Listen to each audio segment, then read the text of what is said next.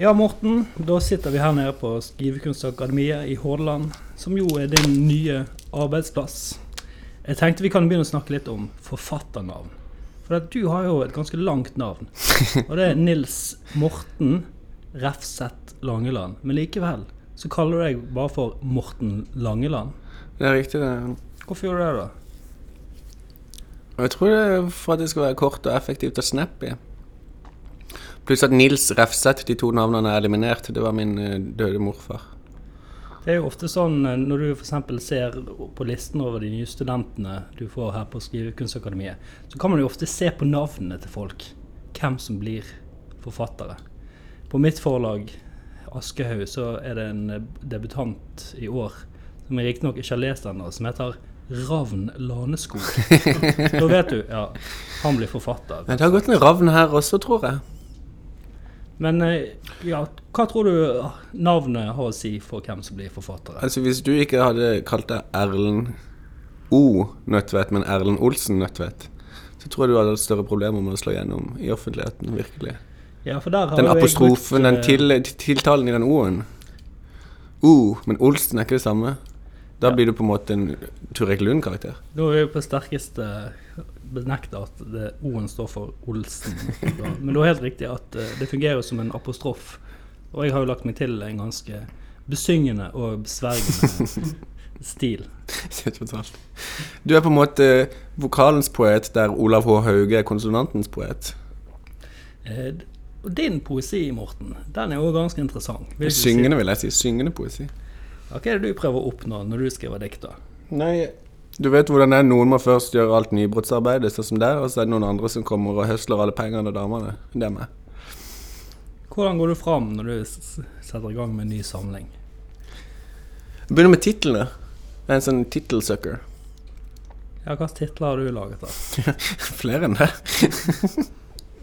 Hvor mange bøker har du? Fem? Det betyr at jeg får eh, grunnstipendene fra Forfatterforeningen. Så jeg er sikret jeg vet ikke, 5000 kroner i, i høst. 5000 kroner. Ja. Jeg er fire og en halv, da. Ja, for du har jo beveget deg litt utenfor mer sånn streite, kommersielle mainstream forlagene også. Du har jo alltid hatt en fot i undergrunnen. Nei, nå må du slutte. Det er en imprint på Cappelen Dam. Cappelen Dam er ikke det Eidar Egmont. Jeg er basically Jeg er Big Pharma. Ja, men du har laget chapbooks, eh, du har drevet med lydpoesi, du har eh, laget poesi til animasjonsfilmer. Du snakker om deg sjøl. Jeg har aldri lagd noen poesi til noen animasjonsfilm. Ikke jeg heller? Jo, jeg har sett den filmen. Det er jo den med det Når den steinen faller i den vannet, og den der bygda blir satt under vann. Hva syns du, hva tenker du om poesiens stilling i Norge i dag?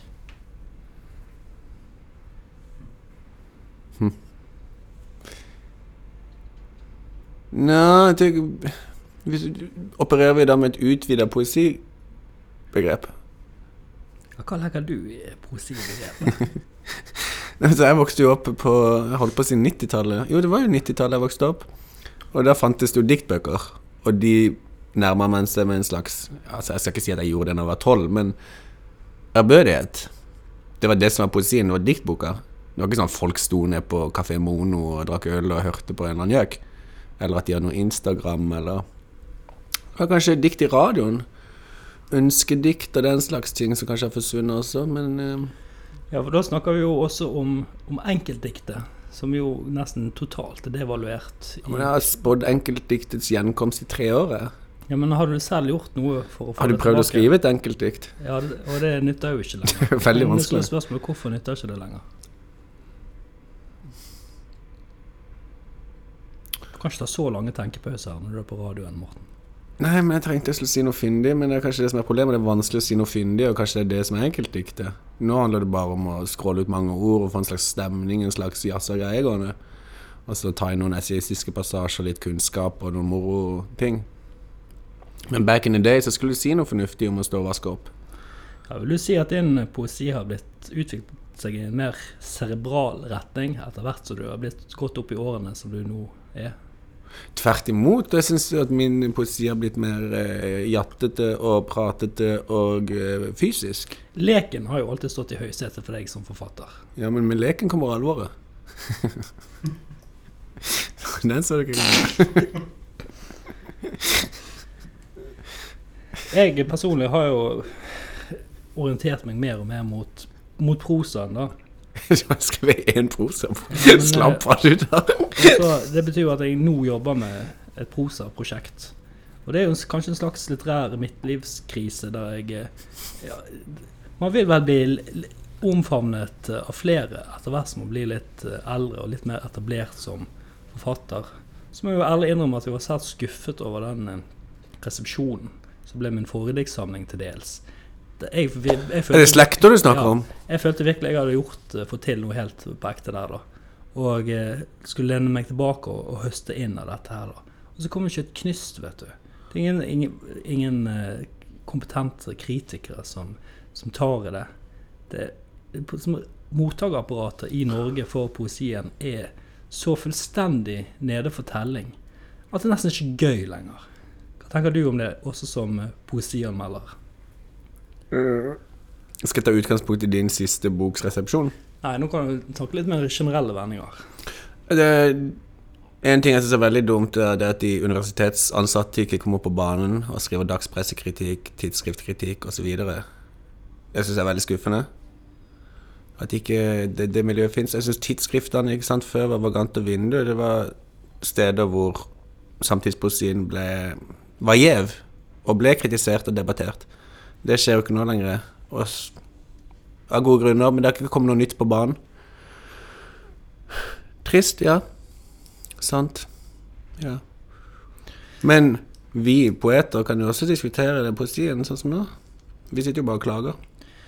Ja, men eh, du som har visst oversikt eh, over feltet, både som kritiker og ikke minst som, som skrivelærer og, og mentor for en rekke unge forfattere, eh, tør du å slenge ut noen navn om noen flinke unge forfattere i Norge i dag innenfor lyrikken? Men jeg tør? Ja, Er det klart jeg tør det? ja ut med språket, da. Ut med språket? Ut med forfatternavn. Sleng de ut. Hvorfor skal jeg slenge ut forfatternavn? Det gir ingen mening. om uh, hvem som har noe å komme med da, i, i dagens klima? Hva mener du med noe å komme med da i dagens klima? Hva slags unge forfattere syns du er best, da? Jeg syns jo jeg sjøl er best. Det må, må, må du jo synes, for det er du jo.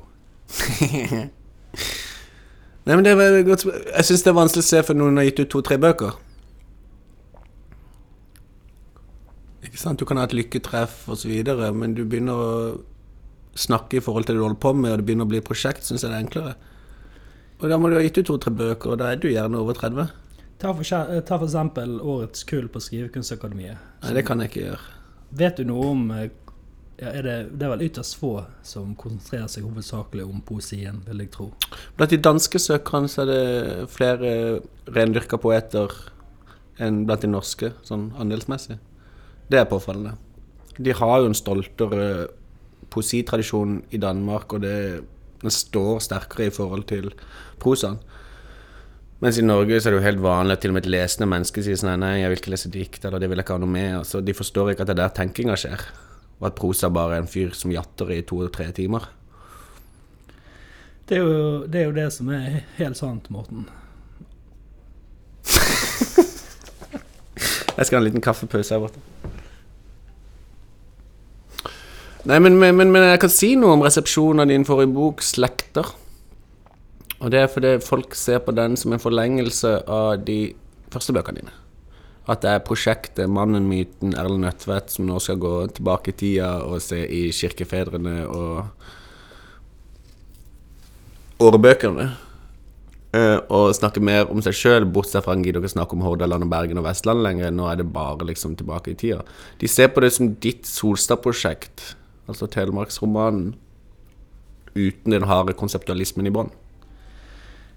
Jeg måtte jo gå fysisk til verk når det kom til den resepsjonen. Eh, Det var en kritiker, jeg husker ikke helt hva han het. Jeg tror han het eh, Jonathan Grøtnes. Jo, jo, jo, Han heter Grytnes. Grytnes. Johannes Grøtnes i Blad, Bokvenn litterært magasin, som gjorde en så slapp lesning at jeg ble helt Jeg ble rasende. Og så traff jeg han på et utested.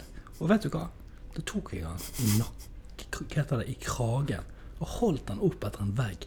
Og så sa jeg Du kan ikke holde på sånn som det der. Du kan bare ikke holde på sånn som det der. Og det syns jeg man bør gjøre, da. Det er påfallende Forrige gang jeg møtte denne kritikeren du nevnte navn på, så kjøpte jeg en øl til han, for han hadde en strålende lesning av min siste bok, 'Svamp'. Virkelig hagiografisk. Ja, Men du har jo alltid hatt en høy stjerne hos borgerpressen.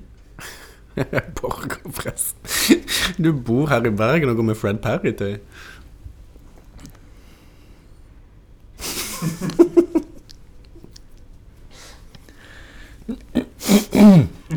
Det blir litt klipping på uh, deg, Atle.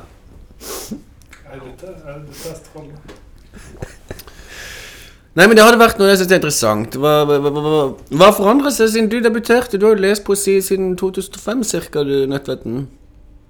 Kanskje til og med før og fulgt med i den litterære offentligheten, og sikkert spesielt eh, det lille pizzastykket som er poesioffentligheten. Hva forandret seg siden la oss si 2005? Og ikke bare, ikke bare fra en slags sånn bergensbrille, men nasjonalt og i pressen osv. Nei, men det er jo bare det helt opplagt at eh, antallet lesninger har virkelig stupt. Og ja, Med lesninger som er resepsjon, altså Ja. skriftlig. eh, ting blir ikke anmeldt engang. Det blir ikke nevnt. Det får ikke en eneste anmeldelse. Masse av det. Mye bra ting som bare går totalt helt under radaren. Og så, som du sier, så det ikke lenger et sånn tidsskriftsegment eller et akademisk segment som, som kan plukke opp disse tingene, da, som eh, glipper ut av hendene på, på dags- og ukespressen. Og da står man der, da. Og da eh, henvender man seg til ingenting. For det, at man skriver jo aldri i et vakuum. Man skriver jo i et slags fellesskap. Man bygger jo videre på andres bøker, andres lesninger.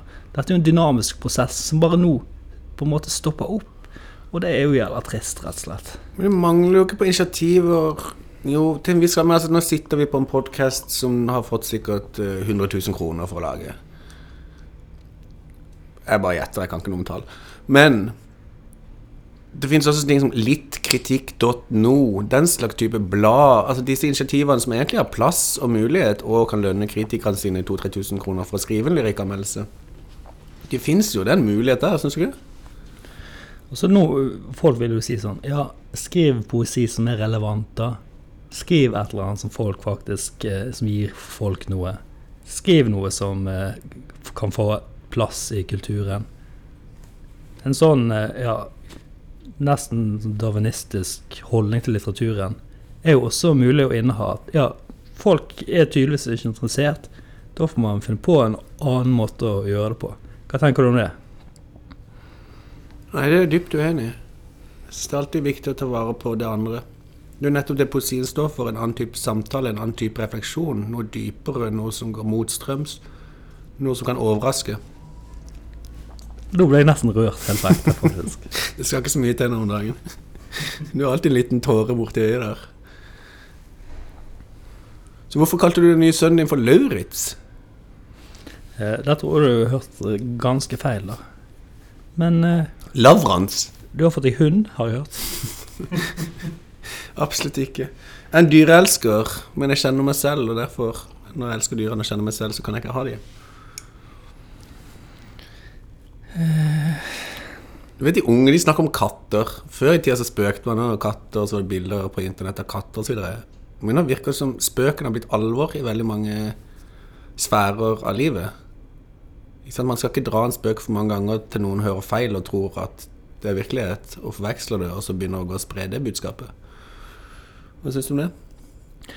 Nei, jeg ser jo meg på meg sjøl først og fremst som en slags stemningskunstner. Jeg, da. jeg prøver jo å gjenskape de voldsomme, ladede stemningene fra barndommen og fra ungdommen. Og så da man levde i en, en verden som virkelig var mer, mer ladet, og eh, der ja, det indre livet var mer fargerikt og mer bølgende og kontrastfullt og det hele.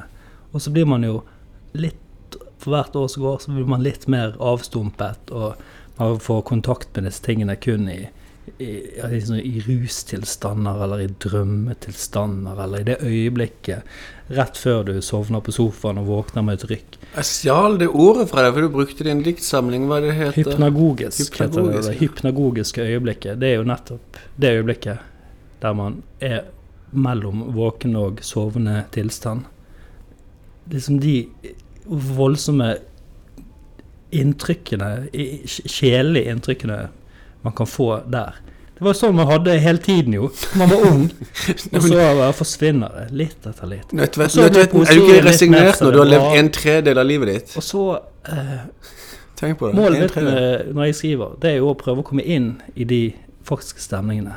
Og det er jo stemninger som maleriet, musikken, mye lettere har, har tilgang på. da. Men når det lykkes i poesien, da blir, kan det jo bli et enormt sterkt eh, uttrykk. da.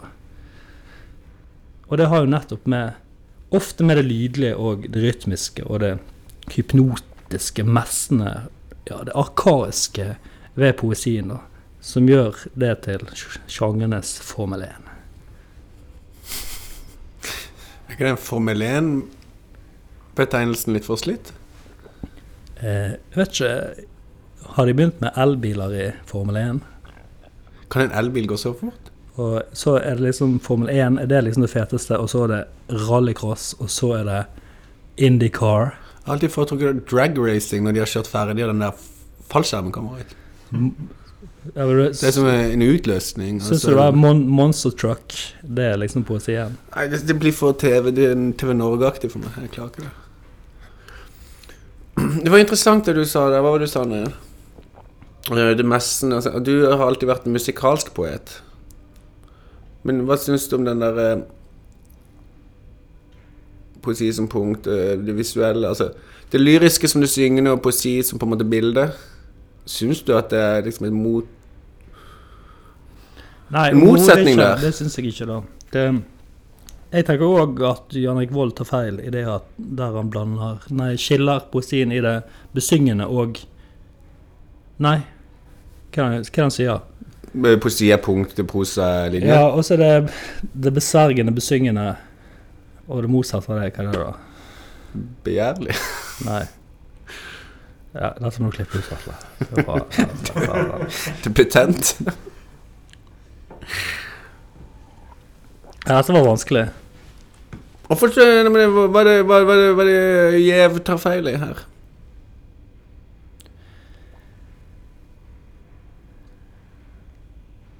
Du kan ikke tenke på radio. Det blir bare radiostøy.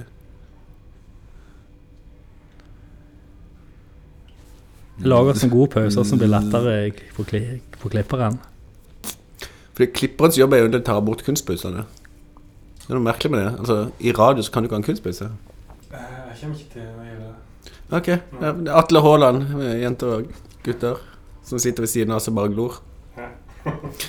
Men han sier han kommer ikke til å klippe. Nei.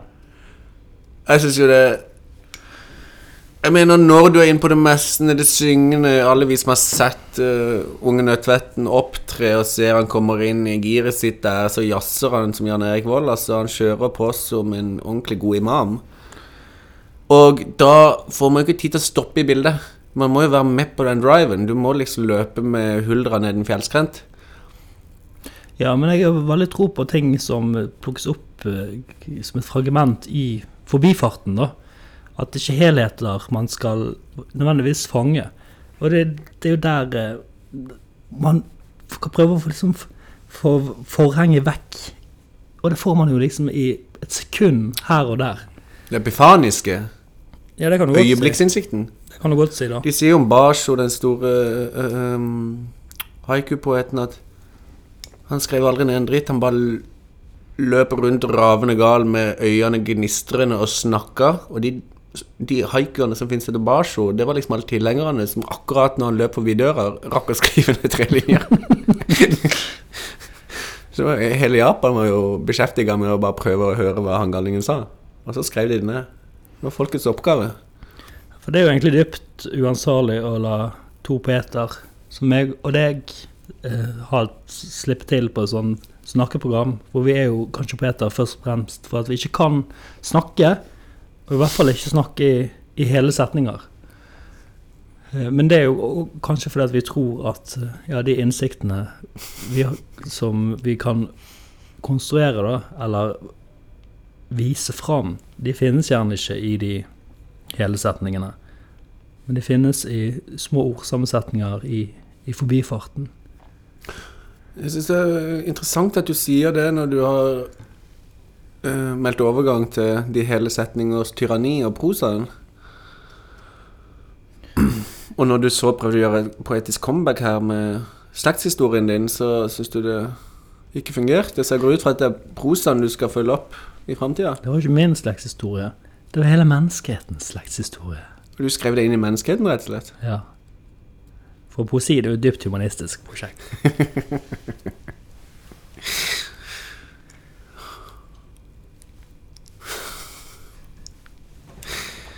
Nei, man skal ikke le av det. Jeg syns det er sånn.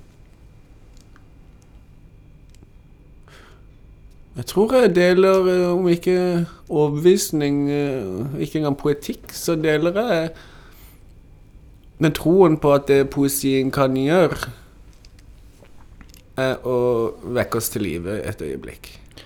Jeg tror jo fullt og helt på at poesien eh, kan nærme seg det hellige, da. Jeg har jo alltid trukket fram Olav Nygaard sin tittel 'VV-bandet' fra 1924. Det husker du har sagt i 15 år. da. Og det betyr jo eh, i nærheten av båndet som kretser rundt helligdommen, ikke sant? Det er det båndet man hele tiden står utenfor. Og det jeg prøver med å skrive, det er jo rett og slett å nærme meg det båndet. Men kan du, ikke, kan du ikke krysse det. det båndet? Kan du ikke som en sånn snor Jo, men det er det man gjør i små øyeblikk. Ja, for du vil ikke være der inne i det hellige. Eh, Ikke på denne siden av graven.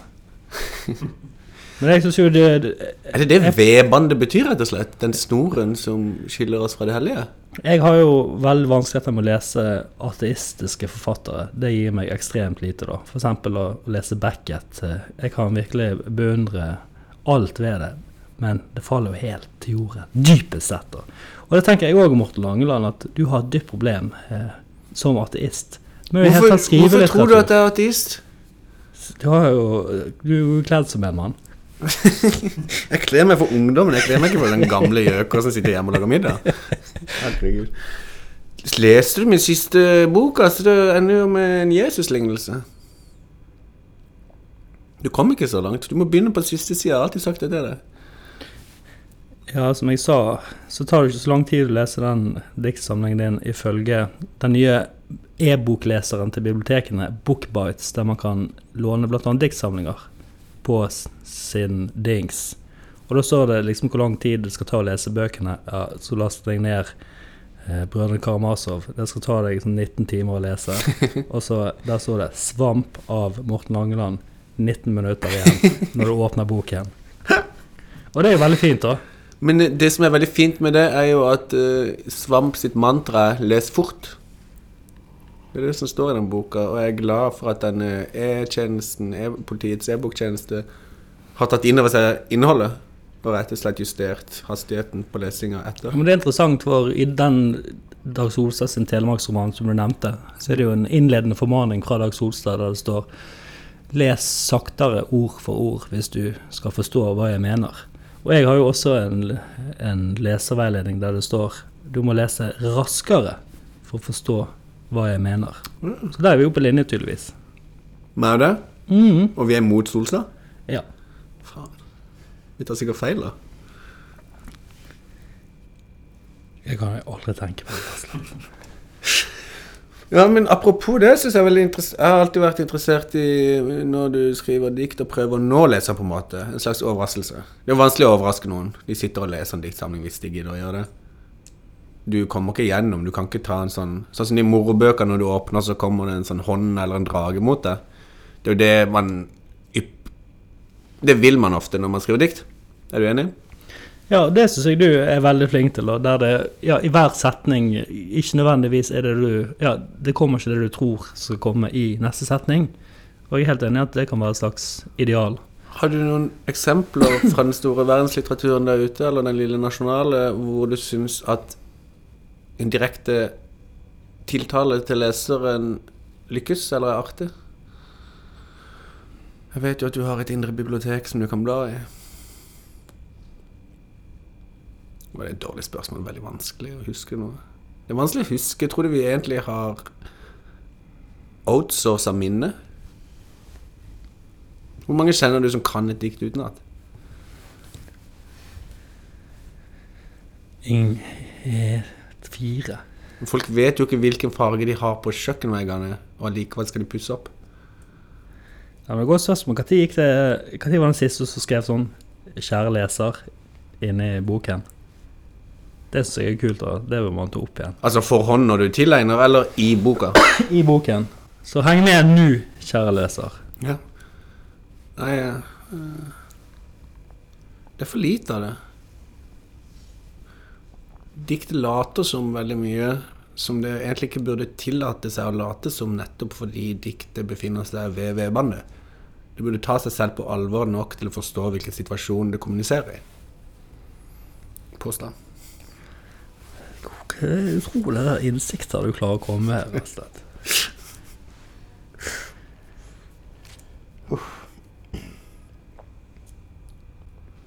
Men jeg må innrømme at det fyller meg med en slags indre ro å sitte i dette biblioteket ved siden av alle disse bøkene. Mm. Hvordan er det med din egen lesning? Både i mengde og i variasjon.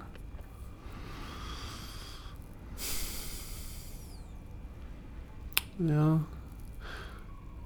Jeg har jo på mange måter blitt en yrkesleser. I den forstand at jeg sitter her og leser tekster fra studentene, jeg skriver anmeldelser, må lese de, jeg sitter i Forfatterforeningens opptakskomité, må lese noen eh, bøker der, jeg redigerer en del bøker osv. Profesjonaktig. Men når jeg sjøl skriver, så er jo gleden nettopp å komme til et sted som dette, gå og ta en bok, bla opp igjen, og så lese til det kommer et ord man ikke kan, f.eks. Noe så enkelt. Hvor lang tid skal du lese i en random roman her, for det kommer et ord du ikke vet hva betyr? Og da stopper du opp, og så tenker du her er jeg ved grensene av min innsikt, her kan jeg lære noe, dette ordet skal jeg bruke, og en gang for alle ha svelgt dette ordet. Jeg fant på alt det nå, men det føles som en god skriveøvelse. Men leser du like mye som du alltid har gjort?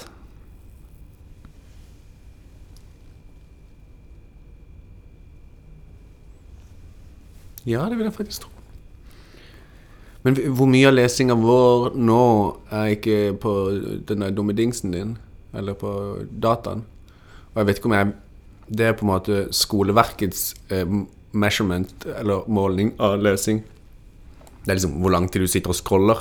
For meg er ikke det lesing. For meg er lesing at du åpner opp, konsentrerer deg så godt du kan om det som står der. Og det er det mindre av. For alle vet jo at uh, vi er i en slags lesekrise, samfunnet. Og jeg har jo også selv undervist på, her på Skrivekunstakademiet ved en rekke anledninger i årevis. ikke overskriv. Jo, faktisk. Og det er mitt soleklare inntrykk av at studentene er mindre belest enn de var før, for ti år siden. Og det har jeg fått bekreftet fra andre lærerkrefter her på huset, da. At det er helt, helt åpenbart eh, at ja, referansene og bakgrunnslesningen og ja, kjennskapen til den nære litteraturhistorien er blant flertallet på et hemmelig lavt nivå. Det kan jeg si meg enig i at forskjellen er enorm på de ti årene som jeg har vært en del av disse skriveskolene. Men jeg vil legge til den største forskjellen er at det blir greit å si det. Når jeg gikk på skole da jeg var 20, så lata jeg i det minste som jeg visste ting. Men nå trenger man ikke å late som engang. Og det som er fint med å late som, er at du lurer deg sjøl til å tro at du bør kunne det. Så Og når du må- først du kan gjør det, så må du faktisk lære det. Så må du løpe hjem og faktisk lese det. Ja. Men så sier flere òg i, i samme sammenheng at de, ler, de leser fremdeles, men de leser andre ting. De har andre andre lesebakgrunner. Hva er de andre tingene de leser, da? Nei, det er vel Harry Potter og sånn, kan jeg tenke meg. Fantasy. Du vet når du møter folk som nå er voksne, og så googler du de, og så kommer det opp en sånn Facebook-side eller noe, og så står det sånn favoritter. Og så så er på en måte Harry Potter fortsatt favorittboka. For Ja, de har ikke forandra det, det har de ikke forandra siden de var da åtte eller ti eller Altså, tolv. Jeg husker uh, Brann-spillerne. De ble spurt i sånn spalte hva favorittboken var, og da svarte Assa Karadas 'Trav og galopp-nytt'. og jeg føler det er litt det som er i ferd med å skje også i de seriøse litterære kretsene. Husker du når eh, Bernt Hulsker ble introdusert for fotballspilleren? Eh, store norske offentligheten på Sportsrevyen en gang. Nå kan det ha vært tidlig, tidlig Slutten av 90-tallet, kanskje. Midt, så 97, la oss si 97. I 97 Molde har fått en lynrask spiller. Da tok de med Bernt Hulsker på travbanen og lot han løpe i kapp med en veddeløpshest. Han var lynrask, virkelig. Og en litterær og veldig morsom figur. Ja, det er jo ganske rik travparktradisjon i norsk litteratur også. Skal du fortelle Jon Foss Rolf Sagen-historien din? De var jo der ute stadig vekk. Dag Solstad er vel der òg. Var vel der òg. På travbanen? Mm. Hva heter travbanen her i Bergen? Bergen travpark. Innovativt. Det er sikkert et fint miljø. Er det et kriminelt eh, miljø der ute på travparken egentlig, eller er det en myte? Eh, Det er ikke en myte, da, for jeg har en venn som i en periode skrev anonyme restaurantkritikker for Er det Erik Fossnes Hansen? gratismagasinet Natt og Dag. Og da var jeg faktisk sånn med han ut på Bergen travpark for å anmelde sånn kantinen der ute. Og der, den ga han det glatte lag, da. Og da fikk han trusseloppringninger fra travparkmiljøet. Så kom og her og rokker ned på travparkmaten. Hva er travparkmaten? Er det liksom kjøttkaker og flesk og dupp? Og... Ja, akkurat sånne ting, da. Hva er den beste restauranten i Bergen nå om dagen? Kommer du deg ikke ut av huset? Er det det som skjer når man får barn, at man ikke kommer seg ut av huset? Nå mistet du sykkelhjelmen din.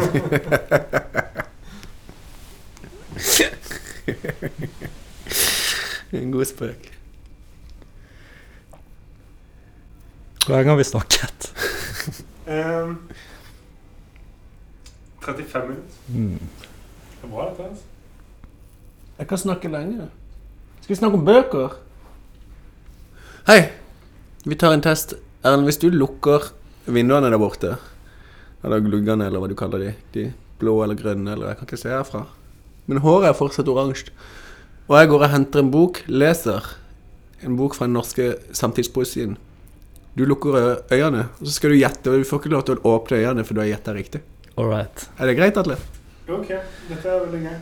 Ok, da begynner jeg. Nå Erlend Nødtvedt Erlend Olsen Nødtvedt har vært og henta en bok fra den norske sam rike samtidspoesifloraen. Han skal lukke øynene mens jeg leser opp en jeg har henta. Nå har Erlend lukka glugene der borte.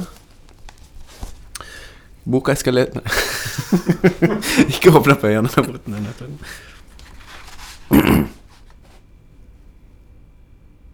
Her er et landskap. Ikke tildelt. Ikke mottatt. Ikke bedt om. Ikke tilbedelse. Trå mykt over.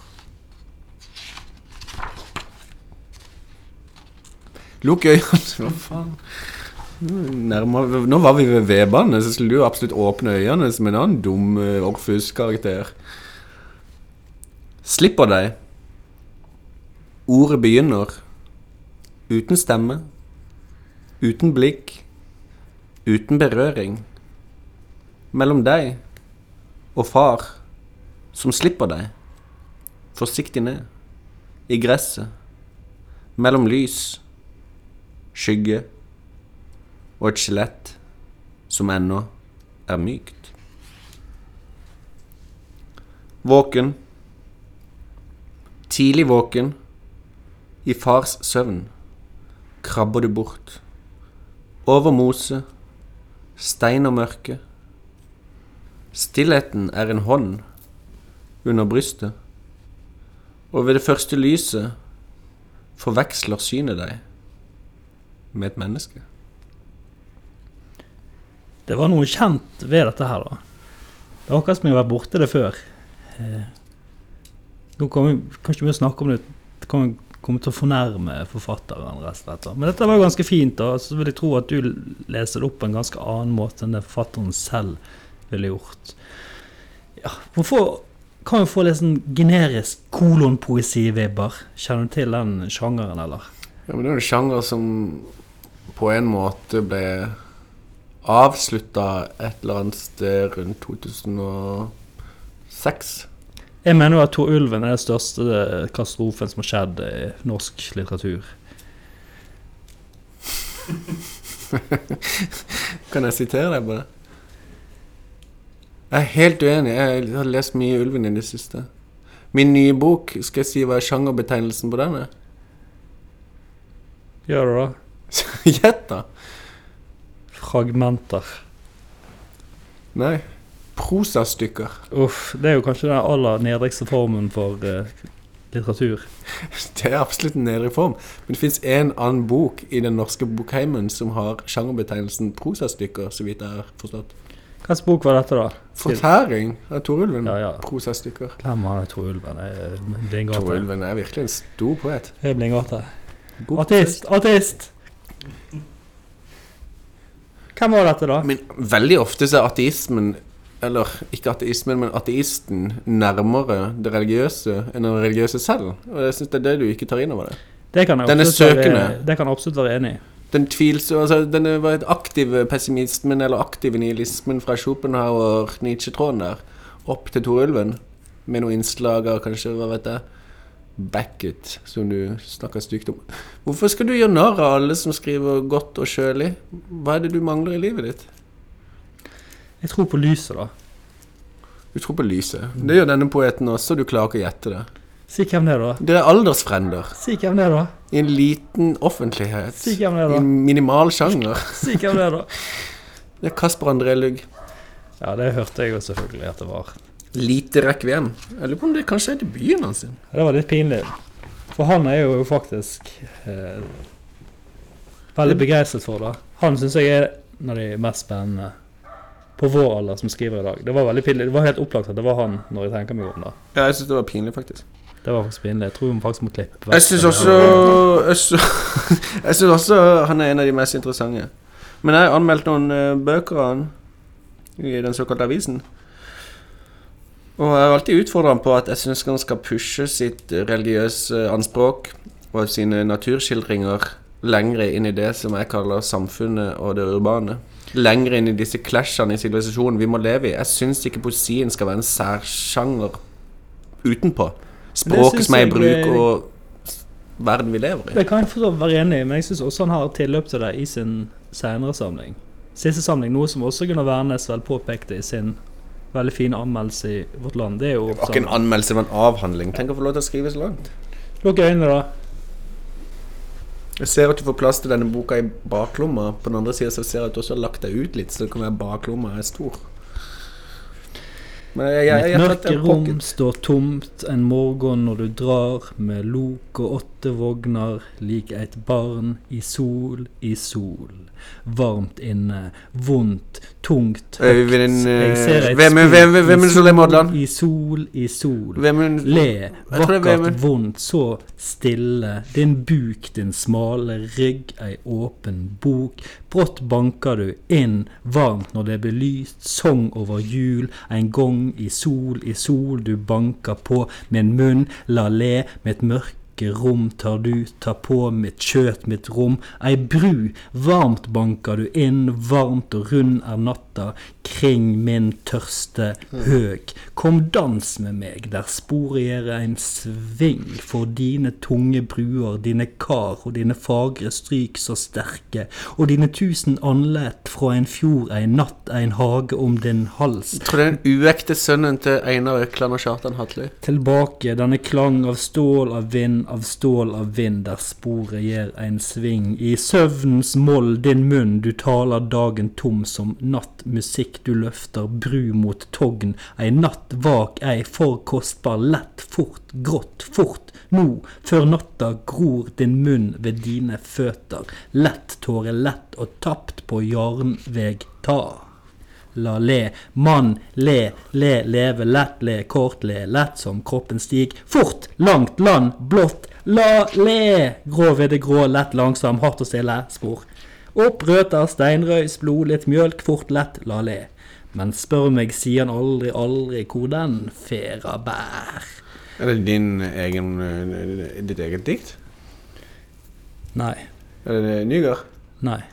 Niger. Er det levende? Dette her er skal av grunnleggeren av den institusjonen Er det Rolf Sagen? som du nå er ansatt ved. Så det var jo Herregud. kanskje litt pinlig også. Jeg trodde alltid det var Rolf Enger som hadde grunnlagt situasjonen Ja, det var feil mange gjør, da. Rolf Sagen. Ok, så det er han du har stjålet alt fra? Ja, han har vært viktig for meg, da. Han mener jeg er en dypt underkjent eh, forfatter. Jeg har lest uh, prosaen hans, men jeg visste ikke at han var sånn en uh, syngende poet. Ja, Han er faktisk ganske allsidig, da. Og han er jo òg ganske elsket av folk som har peiling, da. Selv om han kanskje ikke har nådd ut til den breie offentligheten. Han er også helt eh, Jeg har jo Kan du fortelle historien om når du var rota i dødsboet sitt? Uh, jeg, Tja Jeg bare, bare forteller jeg har jo nylig fått barn. Eller jeg har fått barn. Jeg To barn har du? Jeg har flere barn, da. Og han er jo en av de få som har skrevet virkelig gode dikt for barn, da. Einar Økland har skrevet noe fantastisk. Eh, Blant annet en veldig trist bok som heter 'Josefine sanger'. Som handler om skyggesidene i velferdsstaten. Og Da er det ofte sånn her eh, Det handler om en mor som har fått kreft, og en far som er vekke. Og så står eh, inkassoselskapene på døren, og så er ofte refrengene sånn Inkasso. Inkasso. Det er veldig fint, da. Jeg syns det hørtes veldig trist ut. Nei, ja, meg og Tormund Tormod Haugland Rolf Sagen gikk jo bort for noen år siden. Og da etterlot han seg en kjeller full i bøker og lydopptak og alskens notater og Altså, virkelig kasser fulle og harddisker og Det var ikke måte på, da. Og da ble vi bedt av broren til Rolf om å gå gjennom dette. Og det var jo Vi fant jo en upublisert roman i, i hver skuff, så å si, og vi fant ja, enormt store materialer, da, som oss der mye av det var upublisert. Og da har Nasjonalbiblioteket et sånt SWAT-team eh, klart, så da kom de rett og slett og, og hentet kasse på kasse og kjørte det til Mo I i sånne koronadrakter. Det var før korona, det var flere år siden. da. Men da var det visstnok på fletten ga, ganske fort. Og så kjører de opp til Mo i Rana alskens løse notater. Det syns jeg var veldig flott. Mm. Og gikk dere videre med det? Var det sånn noe av dette upubliserte som var publiseringsverdig fra det dere kunne se der i farta? Eh, det var flere ting der som jeg tenkte kunne gis ut, av. Men Samlaget, de er jo er interessert i det, da. Det var kanskje ting som ikke var helt ferdige, men det var også veldig mye sånn bakgrunnsmateriale og tidligere kladder av hits og i det hele tatt. springfart ved fjorden du holder høyest for nye lyttere? En gang til. For nye lyttere er det 'Springfart ved fjorden', hans bok, du holder høyest. Eh, Det er jo den og eh, lyden av vann, som er de kanskje de sterkeste romanene hans, som begge er jo helt sublime. Men også mye av hans tidlige dikt er òg utrolig spennende. Han var jo en av de første i Norge som, som begynte med sånn cut up-teknikk. Bok som heter 'Kvengedal', der han klipper sammen klipp fra Aviser, fra lokalaviser på, på Sunnmøre. og ja, gjør virkelig noe spennende ut av det. da. Så han håper jeg at uh, dere som er her på Skrivekunstakademiet spesielt kan passe på å introdusere studentene for Ja, men det har vi absolutt mulighet til. Jeg skal jo starte et poesikurs her på mandag. Da kan jeg snakke litt om grunnleggeren. Hva heter den boka du leser fra? På søvnen hører jeg, i parentes, en sang. Det var interessant det du sa om at han var tidlig på å kutte opp greiene, for jeg tenker Jeg hadde Ida Børjell, den svenske poeten, her som gjest, og hos sin debut, Skåne Radio, fikk jo veldig mye oppmerksomhet fordi hun hadde skrevet ned rett og slett eh, innringere på denne lokalradioen i Skåne. Men det er jo veldig likt eh, altså enhver dadaistisk praksis, men også altså, lokalavis-cutupen. Som Bjugn gjorde også. Sissel Bjugn gjorde en del av det, og Jorunn Onder og en slags avantgardist der på slutten av 60-tallet. Ja, jeg har jo virkelig sansen for, for den retningen innenfor poesien. Eh, og jeg bruker jo mye sjøl i det at jeg samler sitater masse. Og setter det kanskje ikke inn i veldig konseptuelle sammenhenger, men liksom det det funne, funnede poemet er er veldig interessant. da. Og der er jo Ulf Karl Olof Ser Nilsson. du på det stedet som en konseptualist? Nå kommer du inn i min mikrofon. Det er svært dårlig smittevern. Må du fortsette, da? Ja, nå har Morten Langeland reist seg fra mikrofonen. Han har gått dypere inn i biblioteket. Han har funnet seg en rød bok. Er det hans favorittbok? Det er det kanskje. Eh, Ja, jeg er jo eh, Hva syns du om sånn eh, Nils Øyvind Haagensen-poesi? Og sånn eh, gjenkjennelig poesi og flammepoesi? Og Jeg beveger meg mer og mer i retning flammepoesi. Det er vel ikke så rart i og med at jeg gir ut bøkene mine på flamme. Eh, Jeg har blitt veldig glad i å snakke. I Du er pratsom. Det som er viktig, er å avbryte seg selv av og til. Og få inn noe annet. Det må, som Fredrik Nyberg sier veldig fint, det må alltid hende noe annet i diktet. Ja, Dette andre, noe annet, syns jeg er det mest sentrale med poesien. Poesien er noe annet, men det skal også skje noe annet. Ja, for du er jo opptatt av, av det fremmede. At eh, det man kjenner, seg igjen i, det er jo ikke det som er spennende og gøy. Er det det, da? Nei, men man går vel ikke til kunsten for bekreftelse, man går til kunsten for å utvide. Se fra en annen vinkel. Å, men resten. Men eh, jeg ville lese noe som har betydd en del for meg de siste årene, og det er etterordet til Jørn H. Sværen i denne flotte gjendiktninga av Keith Waldrop, altså Rosemary Waldrop sin mann, eh, sin bok som heter Vitruvius Lodd, som rett og slett er en type cut-up-samling på bakgrunn i arkitektteoretikeren fra sikkert 2000 år siden. Vitruvius. Og i etterordet så skriver Jørn Sværen veldig fint. Han skriver Han siterer Keith Waldrop. Jeg var ikke opptatt av å beholde ordene akkurat slik de var. Noen ganger forandret jeg ord. Jeg forsøkte ikke å si noe om kollasj. Jeg forsøkte å skrive dikt. Veldig sentralt. Man jobber med found eh, material, konseptuelle innganger. Uh, cut up, diverse. Til syvende og sist så sitter dikteren der og skal sette det sammen, og da jobber du med en poetisk intuisjon. Så så lenge man husker det at det er et hjerte mellom der ordene kommer fra, og der lytteren hører eller leseren ser, så tror jeg det er bra. Da kan man gå ganske langt i å bruke annet materiale. Eller det som folk kaller stjeling eller plagiat, eller det være seg. Du har nå hørt en podkast fra Chris Litt. Takk til Tangenstiftelsen og kunststiloen i Kristiansand. Ikke glem Kavli Foundation. Og denne podkasten er produsert av Atle Haaland for Litteraturhuset i Kristiansand. Med støtte fra stiftelsen Kultiva, Agder fylkeskommune og Fritt Ord.